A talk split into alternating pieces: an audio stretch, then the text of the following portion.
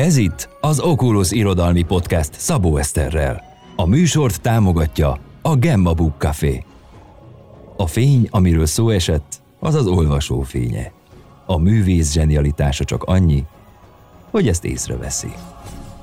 Az ember egy történetmesélő állat. Állítja Yuval Noah Harari, aki ha egyetértesz az elképzeléseivel, ha nem, akkor is napjaink egyik legismertebb történész gondolkodója. A könyves magazinban olvasható interjúban úgy fogalmaz, hogy mi emberek történetek függvényében gondolkodunk. Ha oda megyünk az emberekhez és csak statisztikákat mutogatunk nekik, akkor a legtöbbjüket el fogjuk veszíteni. Ha meg akarjuk győzni őket, mondjuk a klímaváltozás veszélyeiről, akkor azt úgy kell elmondani nekik, mint egy történetet. Nem hiába kezdem a mai műsort Hárárit idézve, mert hogy többek között a Sapiens című könyvében is nagyon nagy részben azzal foglalkozik, hogy gyakorlatilag a történetek formálták a társadalmunkat azzá, ami. Aki olvasta a könyvet, az valószínűleg tudja, hogy azért ennél jóval több mindent érint ebben az emberiség történetéről szóló könyvében, aki nem olvasta, azoknak pedig jó szívvel tudom ajánlani. Ez egy olyan modern, kisé szubjektív történelemkönyv, de semmiképpen nem árt, ha megvan otthon. Sziasztok, ez itt az Oculus tizedik epizódja, én Szabó Eszter vagyok, ma pedig a történetek erejéről fogunk beszélni. Tartsatok velem végig, mert érdekes beszélgetésekkel és egy izgalmas könyvvel is készültem nektek. A Történetek Tárházát hallgatjátok Szabó Eszterrel. Kövessétek az oculus Facebookon, Instagramon és Spotify-on. Egy picit még megmaradnék Hararinál, mert tényleg érdekesen látja az emberiség közös történeteit. Érdemes szerintem elgondolkodni rajta akkor is, ha mi magunk másképp gondolkodunk. Szerinte ugyanis kezdetektől fogva a közösségeket a történetek kovácsolták össze. Régen olvastam, de emlékszem, hogy külön kitért például a plegykára is hogy az első komolyabb emberi csoportosulásokat azt tartotta egyben, hogy este leültek a tűz köré, és a társaikról plegykálkodtak. Ezáltal alakulhatott ki hierarchia, szövetségek vagy épp ellenségek. A történés szerint minden nagyobb eszme, vallás, valuta vagy uralkodó márka azért válhatott hatalommá, mert kreálta köré egy történetet, ami mindenki számára hihető volt. Az általunk elmondott mesék miatt hittünk a kapitalizmusban, a nemzetekben, az igazságosságban, a pénzben, vagy a törvényekben. Mindegyikhez volt egy elég jó történetünk. Hararit idézve, a pénznek önmagában nincs értéke, ez csak egy általunk kitalált történet, hogy ezek a kis papírdarabok megérnek bizonyos számú kenyeret. Amíg mindenki hisz a történetben, addig működik. Oculus. Van egy másik személy, illetve könyv is, amit elég sokat forgattam az utóbbi években, és szintén a történetmesélés erejéről szól. Ez pedig Carmin Gallo Storytelling című könyve. A storytelling kifejezéssel leginkább az üzleti szférában találkozhatunk. Ugye elég nagy képviselője volt a műfajnak Steve Jobs, viszont már például az Instagramon is láthattátok azt, hogy hashtag storytelling, ami annyit fed, hogy egy Instagram story sorozatban bemutatsz egy történetet. Én magam nem ezek miatt vásároltam meg a könyvet annak idején, hanem azért, mert egy tévés sorozatból tudomásomra jutott, hogy van egy slam poetryhez hasonló műfaj, story slamnek hívják, ahol egy előre meghirdetett témára bárki hozhat történetet, a lényeg annyi, hogy szabadon kell előadni, tehát nem lehet olvasni. Eléggé hasonlít ez a tettbeszédekhez, azt hiszem ezt többen ismerik. Kármin Gáló könyve is gyakorlatilag a tett alkot veszi sokszor alapul, hiszen akár szimpatikus, akár nem, ez a felület az, ahol a történet erejével nagy közönség előtt kísérleteznek az előadók és a szervezők. Azt hiszem, mivel nem erről a könyvről szeretnék ma hosszan beszélni nektek, két dolgot emelnék ki, ami számomra nagyon mélyen megmaradt ebből a könyvből. Az egyik az, hogy ne féljünk elmesélni a kudarcainkat. Szerintem ezt még mindig nem mondták ki elegen. Én magam is tudom, hogy mennyire nehezemre esik kimondani azt, hogy ha valami nem sikerül ha nem kaptam meg egy ösztöndíjat, vagy hányas lett az érettségim, vagy ha félre sikerült egy beszélgetésem valakivel, és tegyük fel, én voltam a hibás. A kudarcaink beismerése saját magunkat is feloldja, és talán mások számára is nyújt valamit. Ha nem mást, akkor azt, hogy mi magunk is sebezhetőek vagyunk, ha nem is akarunk annak látszani. Ez sok gátat ledönthet, ami amúgy fölösleges. A másik dolog pedig, hogy meséljünk azokról a dolgokról, amiktől repes a szívünk. És ebben is csak az oda-vissza hatást tudom kiemelni a hétköznapi helyzetekben. Én elmondok valamit, ami minden porcikámat előre viszi, és lehet, hogy meggyőzlek ezzel valamiről, de az is lehet, hogy nem értesz vegyet velem, de közben meg motivál téged az én lelkesedésem. Nem látom azt, hogy egy ilyen történet hogyan okozhatna bármi negatív hatást. Amúgy a storytellinget nem csak üzleti szférában dolgozóknak ajánlom. Én nagyon sokat tanultam belőle az összefüggő élőbeszédről és kommunikációról. Oculus. A Nő a tükörben Facebook oldal szerintem sokak számára ismerős. Jelenleg legalábbis 48 ezer követője van. A működtetőjéről viszont annál kevesebbet tudhatunk. Bóta Timea krízis tanácsadó, szakpszichológus, 2009-ben indította el a Nő a tükörben nevű blogját, majd 2010-ben úgy döntött, hogy létrehozza a Nő a tükörben Facebook oldalt is, ahol verseket, idézeteket, képeket, vagy éppen zenét oszt meg a követőikkel. Amúgy most már az Instagramon is megtalálható. Ahogy az oldal neve is utal rá, fontos szempont ezekben a posztokban az önismeret az, hogy a művészeteken keresztül lássuk magunkat. Én nagyon régóta követem, és szeretem az oldalt, és őszintén nagyon sok alkotást ismertem meg általa, úgyhogy már csak ezért is hálás vagyok neki. Tavasszal Marosvásárhelyen járt, és Imre Eszter műsorvezető társam jóvoltából a következő percekben meghallgathatjátok, hogy Bóta Timea, a Nő a tükörben oldal működtetője, mit gondol a történetekről. A történetek tárházát hallgatjátok Szabó Eszterrel. Kövessétek az Oculus Facebookon, Instagramon és Spotify-on. Szóval történetmesélés, meg a történetek hallgatása szerintem azért fontos, mert, mert ez, ez hozzákapcsol bennünket a, a kollektív bölcsességhez, tehát hogy a, az emberiség történetéhez. Tehát minden egyes történet amit elmesélünk, az egy kapaszkodó a, a, a nagy közös emlékfolyamhoz. Tehát, hogy minden, és ezért, ezért jó, ugye ezért ajánlják a népmeséket, meg a népi történeteket, mert ott, ott egy csomó minden megvan, ami eszköz, ami a napjainkban a megküzdéshez szükséges. De én azt gondolom, hogy minden történet ilyen. Tehát, hogy én nem, én nem teszek különbséget. Még, még az a történet is nagyon sokat segít, amikor mondjuk valaki, és én ilyet nagyon sokszor, én ezt, amikor dolgozom kliensekkel, akkor mindig kérem őket, hogy ha még él az anyukájuk, és van egy kis szerencséjük, akkor üljön, üljön le velük, vele, és, és meséltesse el a születése történetét.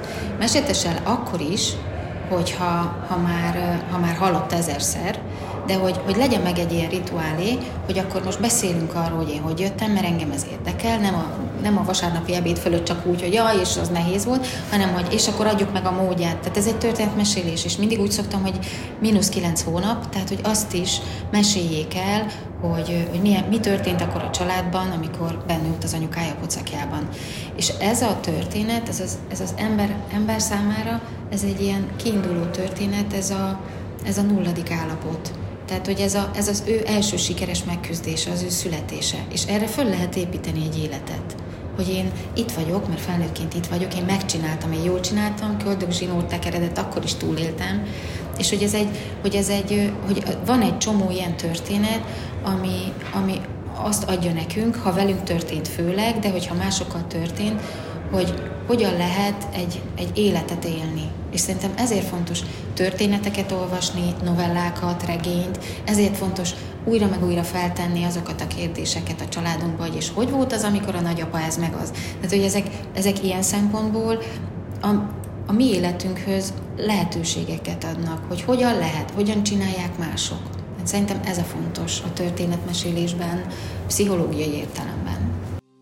Oculus a mai műsor még tartogat egy nagyon izgalmas beszélgetést, amelyben Fogarasi Orsolya és Szuker Ágnes mesél majd egy közös projektjükről, a Question Kit nevű kártyajátékról, ami jelenleg még fejlesztés alatt áll, viszont egy nagyon izgalmas ötletnek tartom, és nagyon szorosan kapcsolódik a történetekhez. Viszont a beszélgetés előtt tartozom nektek egy beszámolóval az Oculus augusztusi választott könyvéről, Rachel Kask körvonal trilógiájának első részéről. Szóval vágjunk is bele. Nyugodtan hallgathatod akkor is, ha még nem olvastad, mert nem szoktam spoilerezni. Hogyha még nem tettétek meg, kövessétek az oculus Facebookon, Instagramon és Spotify-on.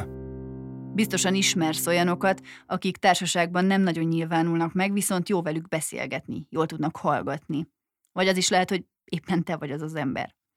Rachel Kask körvonal című könyvének főszereplője pontosan ilyen. Jelenlétében az emberek szeretőkről, családi viszonyokról vallanak, elmesélik a fájdalmaikat és a boldogságukat a karrier vagy a gyermeknevelés kapcsán. Olvastam egy nagyon izgalmas interjút Rachel Kask íróval a The New Yorker magazinban. Ebben az egyik alapgondolat az volt, hogy az írónő nem hisz a nagyon domináns karakterekben, ezért az ő könyvében a főszereplő rejtve marad. Ugyanis három könyv alatt is csak nagyon keveset tudunk meg a főszereplőről. Néhány elejtett info már az első könyvben is kiderül, például, hogy az írónő elvált, és vannak gyerekei, valamint, hogy éppen nyári írótanfolyamot tart Görögországban. Számomra talán ezért is volt izgalmas olvasnivaló, mert nem a főszereplőn, de még nem is a cselekményen volt a hangsúly, hanem a történeteken. Mert hogy a könyv alapkoncepciója az, hogy a főszereplő találkozik emberekkel, ismerősökkel és ismeretlenekkel, és azok mesélnek neki. Nyilván, mivel a főszereplő egy írónő, jogosan állíthatjuk, hogy Rachel Kask kicsit magát is ábrázolja. Amúgy nem ez az első könyve, ahol önmagáról is ír. Többek között megírta a vállása történetét, és a gyerekei születéséről is született egy könyve, ami miatt több támadás is érte, mi szerint nem jó anya. A trilógia első részének, vagyis a körvonalnak a helyszíne Atén, ide érkezik Fé az elbeszélő, egy kreatív írás kurzusra oktatóként. Ez már egy adott helyzet ahhoz, hogy az írásról is szó essen. Sokan akarnak írók lenni. Miért ne hihetné valaki, hogy pénzzel ezt is meg lehet venni? Oculus. Az is érdekes Kász karakterábrázolásában, hogy pusztán a szereplők beszédéből egy teljesen eleven és látható karakter tud formálni. Látjuk magunk előtt az embert, és nagyon bennünk ragad egy-egy szereplő, anélkül, hogy hosszas leírás lenne róla a könyvben mert ugye nagyon erős jellemet ad, akár külső megítélés szempontjából is az, hogy hogyan mesélünk el egy történetet, vagy hogyan beszél az adott szereplő, mikre fektetjük a hangsúlyt, milyen szavakat használunk hozzá. Egy másik dolog, ami miatt ez a könyv sokunk számára jelenthet ismerős talajt, az az, amiről a szereplők mesélnek. Azt hitte, lesz még több is. Miből? Életből. Tárta szét a kezét befogadó gesztussal. És gyengétségből tette hozzá pillanatnyi hallgatás után. Több gyengétséget akartam. Oculus. A korábban említett interjúban a kérdező arra volt kíváncsi, hogy az írónő milyen témákra építette fel a trilógiát. Az írónő elmondja, hogy fontos szerepet játszott a regény megszületésénél az úgymond közösségi történetmesélés meg a terápia. És az Odüsszeia is eszébe jutott írás közben. Mégis a legfontosabb téma, amire az egész trilógiát építeni szerette volna, az a kegyetlenség. Elmondása szerint erre a leginkább az utolsó könyv utolsó oldalain sikerült ráerősítenie. Nekem pedig talán az egyik legerősebb téma az volt, hogy hogyan látjuk a saját történetünket. Az első részben úgy fogalmaz az egyik karakter, hogy mindannyian a tökéletesedés meséinek megszállottjai vagyunk, olyannyira, hogy lényegében ez uralja a valóságérzetünket. Számomra mégis talán a második könyv elején volt egy jelenet, ami nagyon belém égett. Egy ingatlan ügynök mesélt arról, hogy az emberek házvásárláskor mennyire nem tudják, hogy mire is vágynak. Hogy olyan dolgokat szeretnének, amelyeknek egyszerűen nem a saját életükhöz van közük, hanem valamihez, amit ők elképzeltek az életükként. Oculus. Rachel Kask regénye, tehát úton van valahol a fikciós regény, önéletírás belső napló között, ami számomra azért volt jó, mert valahogy nem volt rajta a cselekmény vagy az erős karakterfejlődés terhe. Nem kellett annyira menni a történettel, csak be kellett engedni azt, amit a szereplők mesélnek. Én két hosszabb könyv között olvastam el a könyvet, mint egy fellélegzésként, de közben meg tényleg maradtam valamivel. A Történetek Tárházát hallgatjátok Szabó Eszterrel. Kövessétek az oculus Facebookon, Instagramon és Spotify-on.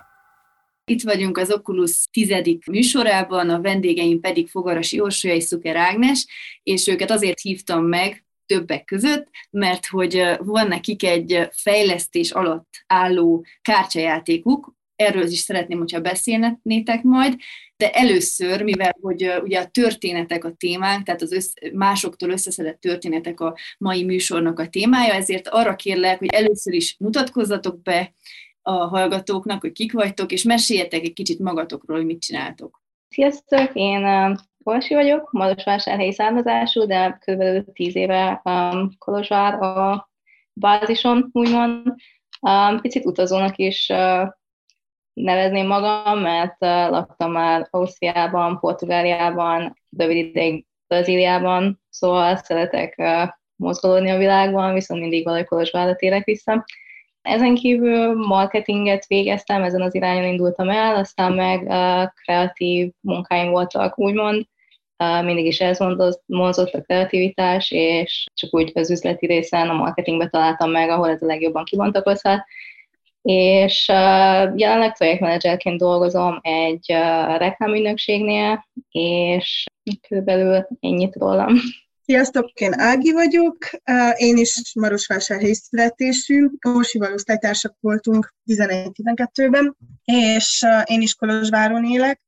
Én nem szoktam nagyon utazgatni, de hát én színészetet végeztem, voltam bábszínész, vagyok drámatanár, bábszínész, gyerekkönyvillusztrátor és animációs filmrendező, és én nagyon sok mindennel foglalkozom, de próbálok mindenből így elég sokat kihozni. Nagyon hamar megunok dolgokat, és ezért több mindenbe fogok bele. Igen, ezt akartam is amúgy kérdezni, hogy hogyan lettetek barátok, de hogy az biztos, hogy már közös bennetek, hogy mind a ketten sok mindent csináltok, és sok mindenként határozzátok meg magatokat, de hogy azon kívül mi az, ami összeköt titeket barátként szerintetek? Szerintem az értékek, mármint uh, iskolából indult a barátságunk, két évet akkor osztálytársak voltunk, amit Ági is említette, és nem megmaradt, tehát így megszakadás nélkül megmaradt.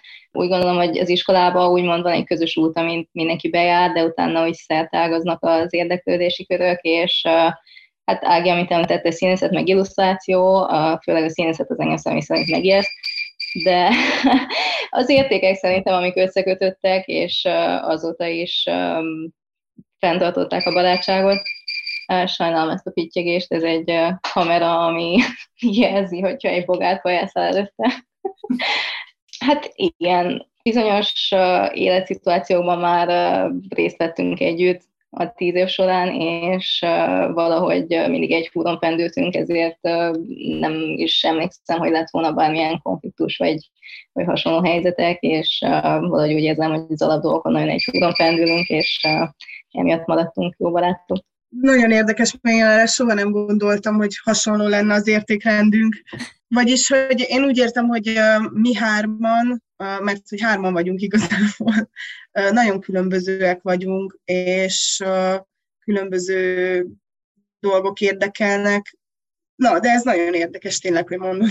Én úgy láttam, hogy a közös élmények, az, ami az iskolában volt, azok összekötnek mindenképp, és um, hát nem tudom, valahogy úgy egymásra találtunk, és azt érzem, hogy mind a hárman nagyon kíváncsi természetűek vagyunk, és mindig kíváncsiak vagyunk egymásra. Annak ellenére, hogy egy csomó mindent tudunk már egymásról, mindig érdeklődünk, és fontosnak tartjuk azt, hogy ebben az életben legyenek ilyen biztos pontok, vagyis barátok, és mindhármunknak nagyon fontos az, hogy legyenek ilyen fix pontok ebben a nagy rohanásban, és ezek a fix pontok, ezek a barátnőink. És igazából itt már egy picit aztán rá is térhetünk a, erre a kártyára, erre a question kitre, ha jól mondom, ugye? vannak olyan kérdések, például ez is, hogy mi köt össze titeket, amit nem feltétlenül tesz, teszünk fel a mindennapokba egymásnak. Tehát nem tudom, tehát számomra például azért volt érdekes ez a játék, mert hogy van egy csomó olyan szitu, hogy mit tudom én, együtt vagy a barátaiddal, vagy a pároddal, vagy a családoddal, és, és, és így történnek a dolgok, de egy csomó minden, ami akár értékrendről szól, vagy érzésekről, azok nem merülnek fel, mert hogy épp más, mit tudom én, a mindennapok elviszik a témákat, és hogy ezért tetszett meg nekem nagyon ez az egész koncepció, és erről meséltek egy picit, hogy ez az ötlet, ez honnan jött nektek, és mi alapján raktátok össze. Hát egy kiránduláson találtuk ki, pontosabban készültünk egy, egy ilyen téli kis kiruccanásra, egy hétvégére, felpakoltuk a társasjátékainkat, de arra gondoltunk, hogy uh, találjunk ki valamit, valami újat, írjunk össze kérdéseket egymásnak, mert hogy ez milyen magány lehet, hogy, hogy, a, hogy a társaid így meg, megválaszolják ezeket a kérdéseket, amiket amúgy meg tényleg csak így nem teszel fel. ahogy az angolok mondják, out of the blue, mert hogy így nehezen merülnek fel, tehát még egy mély beszélgetés során is nehezen tudunk kérdezni. Na, és akkor összeírta mindenki azokat a kérdéseket, amik így foglalkoztatják a másikkal kapcsolatban, és ezeket a kis papírfecniket elvittük erre a kirándulásra, és ott egyik este egy bor mellett elkezdtük megválaszolgatni őket. Szerintem nem is fejeztük be a játékot, még van egy csomó cetli, amit meg kell válaszoljunk. Igen, szerintem ezt a nagyon jól rátapintottál egyrészt az, hogy um, olyan kérdések, amik ismeretlen személyek kapcsolatban kíváncsi tesznek, hogy akkor van ez a small talk, amikor valakivel összetalálkozol, de akkor mi az, amikor, hol van az a híd, amikor átléped, és akkor milyen dolgokat kezd megkérdezni.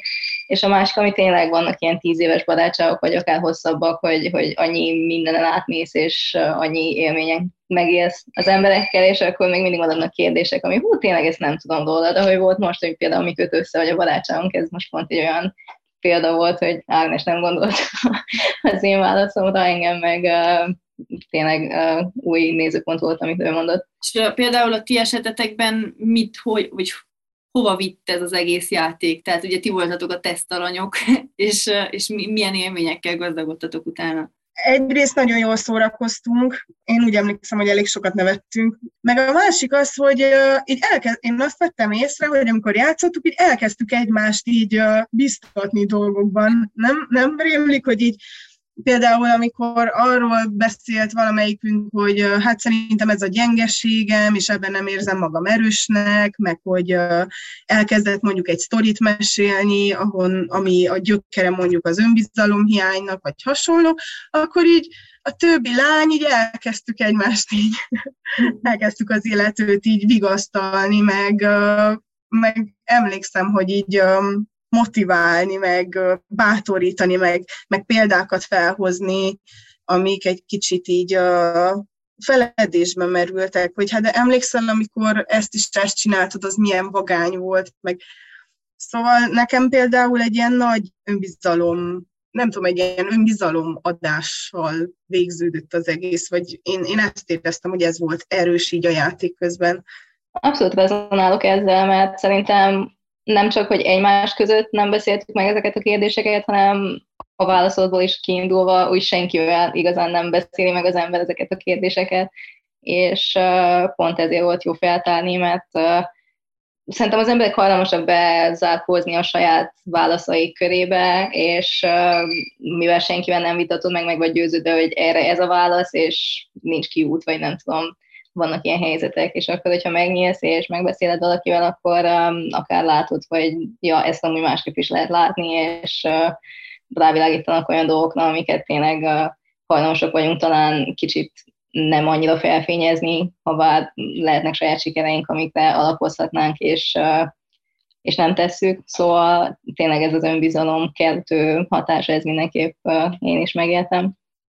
Hát azt hiszem, hogy ez igazából oda visszaműködik, mert hogyha azt látod, hogy a másikban valamit elindítottál, akkor saját magadban is talán elindítasz valamit, tehát így, így nem tudom, én legalábbis ezt veszem észre, hogy, hogy a mások történetei nagyon sokat mások elmondott történetei, azok nagyon sokat számítanak nekem is, vagy azért, mert hozzáadtam valamit, vagy azért, mert kicsit azonosultam, vagy pedig egyszerűen csak azért, mert hogy részese lehettem, és valamit átvihettem magamba. Amúgy most hogy, hogy áll ez a játék? Tehát, hogy hol lehet ezt megtalálni, vagy hogy milyen, mi lesz ennek a jövője? Nemrég pályáztunk a Kamankluzs kiírására, és meg is nyertük a támogatást. Arra szerettünk volna a finanszírozást kapni, hogy ezt a játékot kinyomtassuk, tehát egy fizikai terméket, egy jól kinéző terméket tudjunk előállítani, szépen dobozban, design, tehát megdizájnolva, plusz szeretnénk pszichológusi segítséget is kérni, hogy egy szakember segítsen a kérdéseket kicsit kategorizálni, meg javítani rajtuk, mert szerintem van mit. Jelenleg azon vagyunk, hogy ezt megvalósítsuk. Van egy digitális termékünk, a, amit az Etsy boltomban a, lehet megvásárolni. Úgy kell elképzelni, hogy egy egy minimális összegért PDF-eket tölt le a vásárló, és otthon vagy egy nyomdában kinyomtatja kartonra, majd felvagdossa. De mi most azon vagyunk, hogy ezt tényleg egy kártyapakliként tudjuk kiadni. Szeretnénk ajándékozni Kolozsváron több lokálnak ilyen kártyákat, kártyapaklikat, és azután pedig árulnánk őket talán könyvesboltokban, online, meglátjuk, hogy hogy alakul. Ehhez én nagyon sok szerencsét kívánok. Azt szeretném megkérdezni, ugye mind a ketten olyan életet éltek, vagy éltetek eddig is, hogy nagyon szerintem nagyon szorosan kapcsolódnak a történetek hozzá. És jelenleg a napjaitokban milyen szerepet tölt be a történet, akármilyen történetről legyen szó, emberi történeteket, amiket hallottok, vagy amiket olvastok, vagy bármi? Engem személy szerint nagyon inspirálnak a történetek. Én úgy gondolom, hogy az élet történetek sokaságából tevődnek össze, és ezért mindig, amikor utazom is, nagyon szeretek, én jó hallgató vagyok, jó hallgatónak gondolom magam, ezért mindig nagyon szívesen hallgatom, hogyha valaki megnyílik, és um, elmeséli a saját élettörténetét. Kíváncsi vagyok, egyszerűen inspirál, hogy ki honnan jött, meg azokkal az eszközökkel, amik rendelkezésére álltak, mit hozott ki az életből, vagy merre tart, és uh, szerintem ez, ami közös az emberi sorsunkban, hogy, hogy mindenkinek van egy története, és uh, azt alakítja.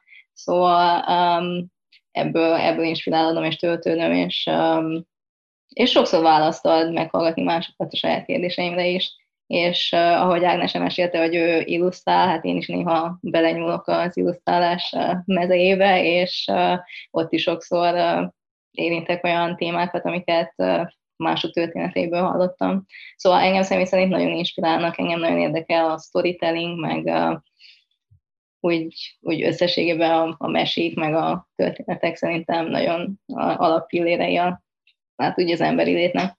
És mik azok, a, mik azok a témák például, amivel szívesen foglalkozol, vagy amik jobban megérintettek, vagy tenek?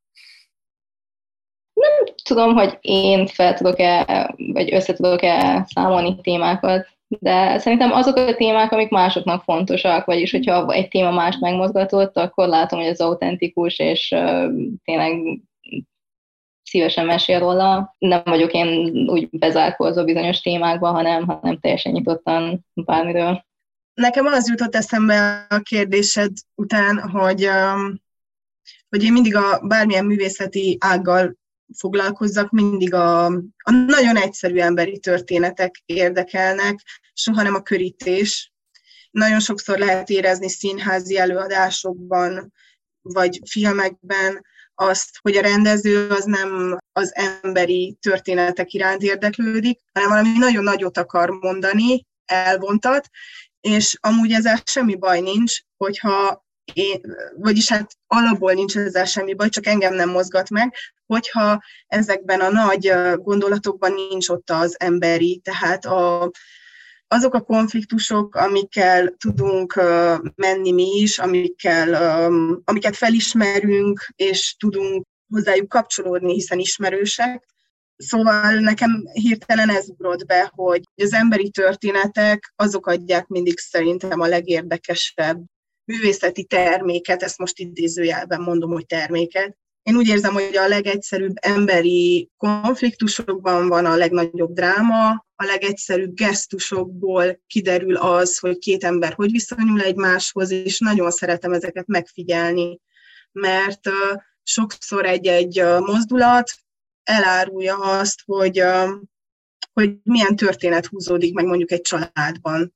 És ezeket érdekes így megfigyelni, és, és szeretek így járni én is a világban, ahogy Orsi, hogy ilyen érdeklődve, mert én következtetéseket vonok le. nem ítélkezek, de így, így rá, úgy nem tudom, valahogy úgy érzem, hogy meg elém tárul egy világ, hogyha megfigyelek egy-egy embert, vagy meghallgatom a történetét. Oculus. Újdonság az Oculuson, hogy ezután minden műsorban szemezgetek nektek a Marosvásárhelyi Tompa Miklós Társulat következő havi programjából. De hogy ne legyen helyhez kötött, inkább a darabokról beszélek általában, és nem egy konkrét programajánló lesz. A Történetek Tárházát hallgatjátok Szabó Eszterrel. Kövessétek az oculus Facebookon, Instagramon és Spotify-on. Henry Gibson nóráját talán kevés embernek kell bemutatni, viszont úgy gondolom, hogy ahogyan újabb és újabb életszakaszokba lépünk át, úgy találhatunk újabb és újabb gondolkodni valót a történetben.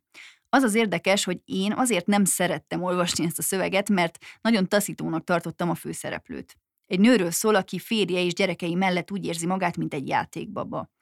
Meg kell felelnie bizonyos normáknak, és saját maga sem tudja sokáig, hogy erről mit gondoljon. Az eredeti címe Babaház.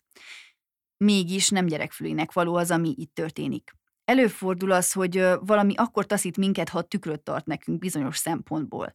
Nagyon érdekes, hogy mennyire megőrizte az aktualitását ez a dráma, és az is izgalmas, hogy a rendezők hogyan ábrázolják ezt a nőt, aki a darab végére drasztikus elhatározásra jut. Most így eszembe jutott a Magyarországi Állami Számvevőszék elemzése, miszerint demográfiai problémákat okozhat a túl sok diplomás nő. Szóval olvassátok el, nézzétek meg mindenképp. Boris Vian regényei abszurdak, mélyek és egyszerre ismerősek, megismeretlenek. Szövegeit furcsa nyelvi játékok jellemzik, szeret kísérletezni az irodalommal. Egyszer azt olvastam róla, hogy olyan őt olvasni, mintha belesétálnánk egy dali képbe.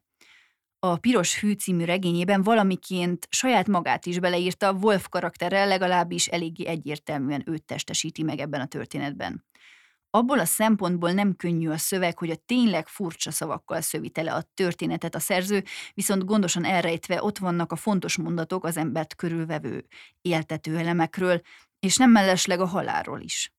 A Piros Fű című regényt általában megemlítik a három legjobb Boris Vian könyv között, a Tajtékos napok és a Szívtépő mellett. Oculus. Köszönöm nektek, hogy velem tartottatok, ez volt az Oculus tizedik epizódja, és a következő könyvet már őszi színekben olvassuk, ami nem más, mint egy újabb trilógia első könyve, Cormac mccarthy a vadlovak. Egy igazi dél-amerikai történet, és még film is készült belőle Matt Damon és Penelope Cruz szereplésével. Úgyhogy várlak titeket ismét szeptember végén, addig is olvassatok sokat. Sziasztok! Hogyha még nem tettétek meg, kövessétek az Oculus-t Facebookon, Instagramon és Spotify-on.